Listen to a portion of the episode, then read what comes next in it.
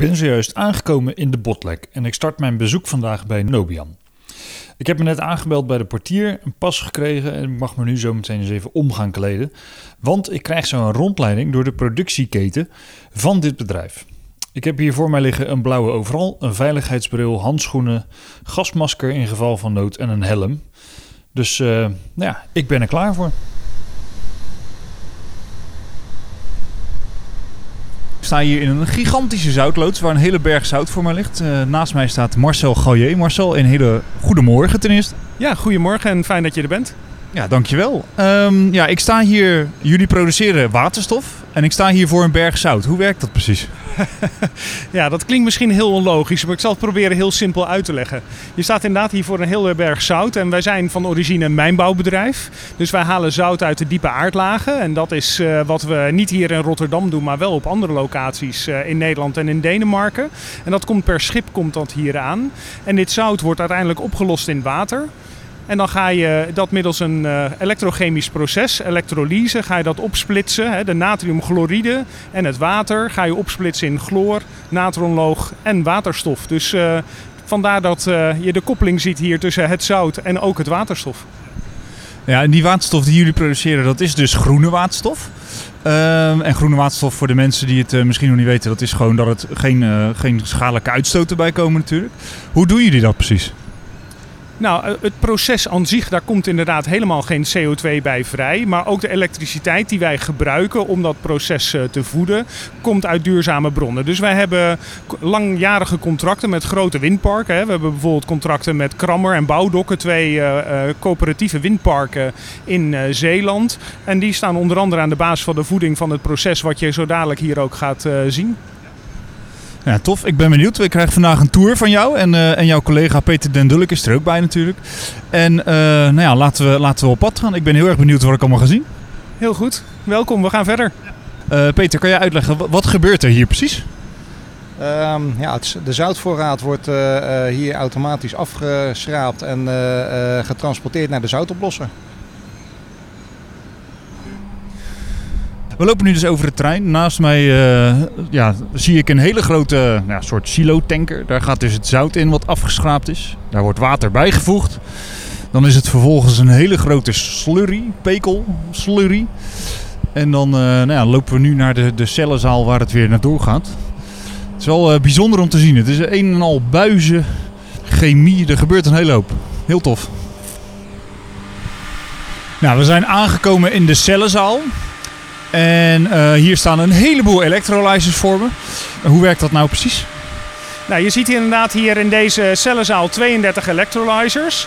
En hier komt dus het verzadigde pekel, hè, dus het zout uh, opgelost in water, komt hier een electrolyzer in. En daar wordt het gesplitst in chloor, natronloog en waterstof. Dus je ziet eigenlijk dat het, het, pekel, de natriumchloride, dat is het zout en het water, de H2O gesplitst wordt in CO2, het chloor, de natronloog, de NaOH en de waterstof, de H2. En dat is wat je hier ziet. Maar het waterstof dat komt hier, dan wordt gesplitst en daarna moet het gedroogd worden.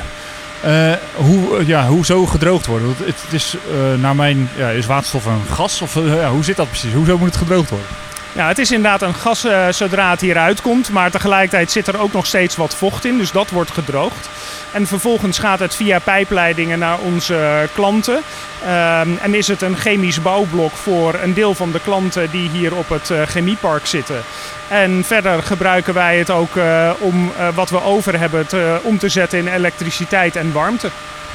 En gebruiken jullie dan ook het waterstof om om te zetten in elektriciteit voor jezelf? Of gaat dat ook gewoon naar de klanten? Nou, eigenlijk wat je hier ziet is uh, dat het een heel geïntegreerd cluster is. Dus eh, wat je ook ziet met elektrolyse hier, als wij hier stilstaan, dan staan onze klanten stil en andersom. En zo geldt het eigenlijk ook een beetje voor het elektriciteitsdomein.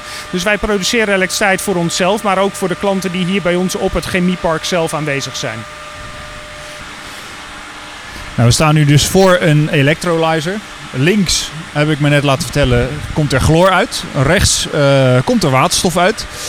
Peter, jij zei net, er zijn meerdere verschillende types uh, electrolyzer. Wat, wat voor types zijn er dan? Waar zit het verschil in? Uh, verschil zit in capaciteit. Hè, dus van een aan chloor opbrengt. En we hebben de oudere types, dat zijn de FC's. die hebben een verminderde, althans een lage opbrengst. dan hebben we de NCHZ. Dat zijn de nieuwere types. Die hebben een vrij hoge opbrengst. Dan hebben we er nog vier tussenin zitten. En die, ja, die zijn zeg maar een soort geüpgrade. Vanaf de FC's zijn ze wat geüpgrade waardoor ze iets meer chloor kunnen produceren. Het is wel tof hoor, want je hebt dus aan de zijkant van de electrolyzers zie je dus buisjes. En daar zie je ook echt de chloor en de waterstof doorheen lopen. het lijkt natuurlijk gewoon voor ons, voor mij als leek op, op water, het is gewoon doorzichtig. Je kan dus gewoon waterstof zien, waterstofgas. Nou snap ik ook waarom het gedroogd moet worden. Nou, we staan nu dus bij een uh, electrolyzer die nou, niet helemaal open is, maar kan hem wel zien. Er staan dus heel veel frames in met allemaal buisjes eruit. Er staat hier zo'n frame uh, Naast mij uh, ja, is die doorgezaagd, of ik weet niet wat er precies mee is. Is deze kapot of is dit gewoon als voorbeeld van, nou kijk, zo ziet hij er van binnen uit? Nee, dit is inderdaad eentje die hebben we neergezet om uit te leggen wat hier ook daadwerkelijk in zo'n electrolyzer gebeurt. Je wil dat niet doen terwijl er eentje in operatie is. Wat gebeurt er precies in zo'n frame? Nou, eigenlijk zie je hier dat die frames aan elkaar, tegen elkaar wordt gezet met een membraan ertussen. En daardoor wordt eigenlijk door de elektriciteit erop te zetten, wordt, uh, vindt de splitsing plaats. En aan de ene kant komt de chloorkant eruit en aan de andere kant uh, de natronloogkant. En wordt de waterstof uh, hier ook uitgesplitst. Dus je ziet aan weerskanten, eh, zie je ook uiteinden waar de verschillende onderdelen van het product uiteindelijk geleverd worden. En gaat het het rest van het proces in.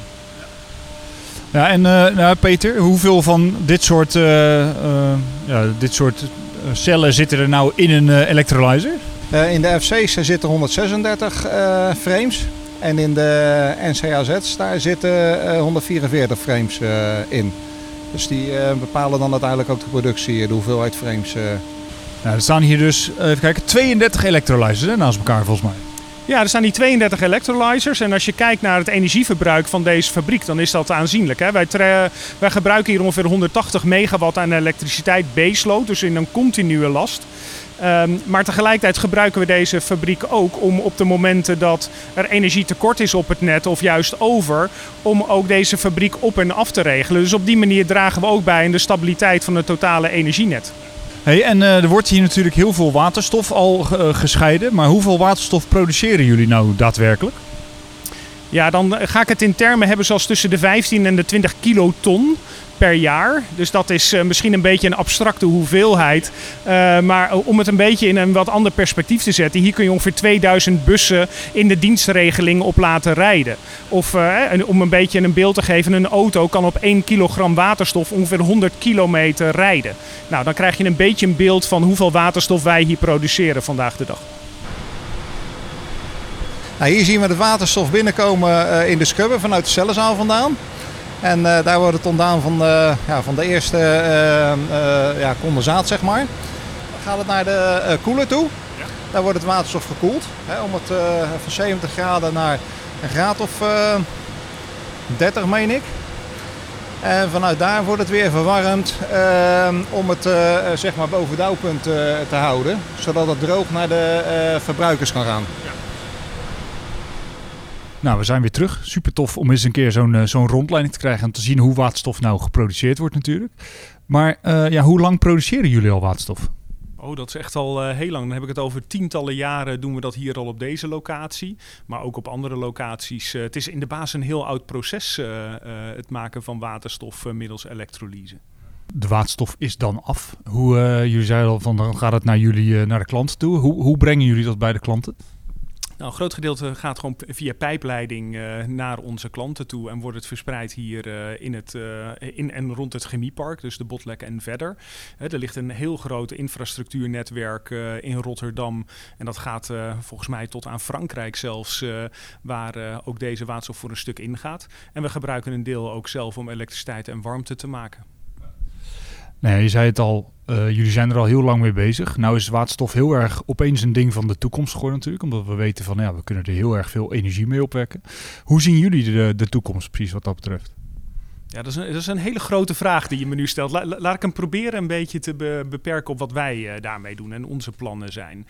Um, kijk, laat ik in eerste instantie vaststellen dat waterstof een bouwblok is niet alleen voor de industrie vandaag, maar ook voor de industrie van morgen. Dus willen we uiteindelijk naar een volledig duurzame economie 2050, zullen we ook in dat geval hele grote hoeveelheden waterstof nodig hebben. Omdat een groot gedeelte van de duurzame en circulaire industrie heeft waterstof als bouwblok nodig. Nou, dat is precies waar wij als bedrijf een rol in willen spelen.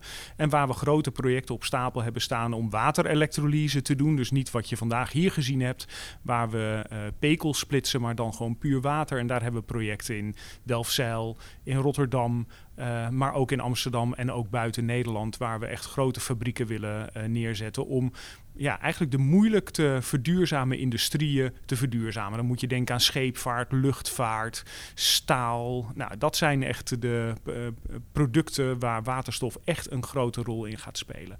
En tegelijkertijd in het klein, laat ik daar ook even mee beginnen, wat we nu doen je hebt ook gezien dat uh, waterstof hier met, uh, of uh, het zout komt hier met een schip aan.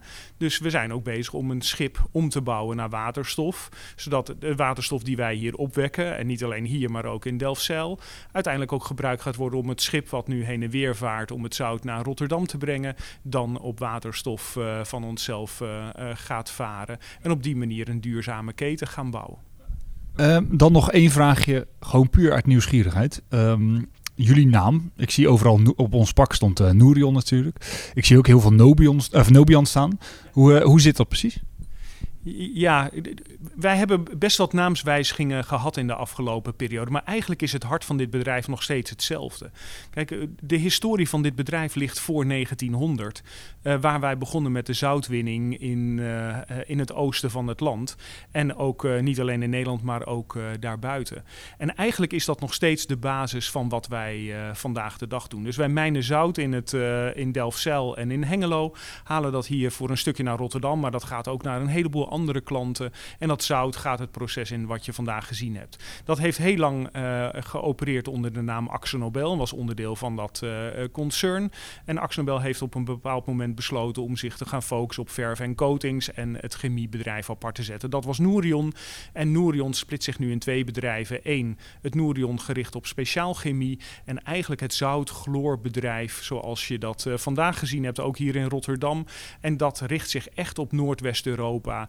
En uh, sinds een paar maanden opereren wij daar onder de naam Nobian. Dus vandaar dat je een aantal namen hier hebt gezien. Maar eigenlijk is de historie nog steeds hetzelfde en is de basis nog steeds het zout. Oké, tof, dankjewel.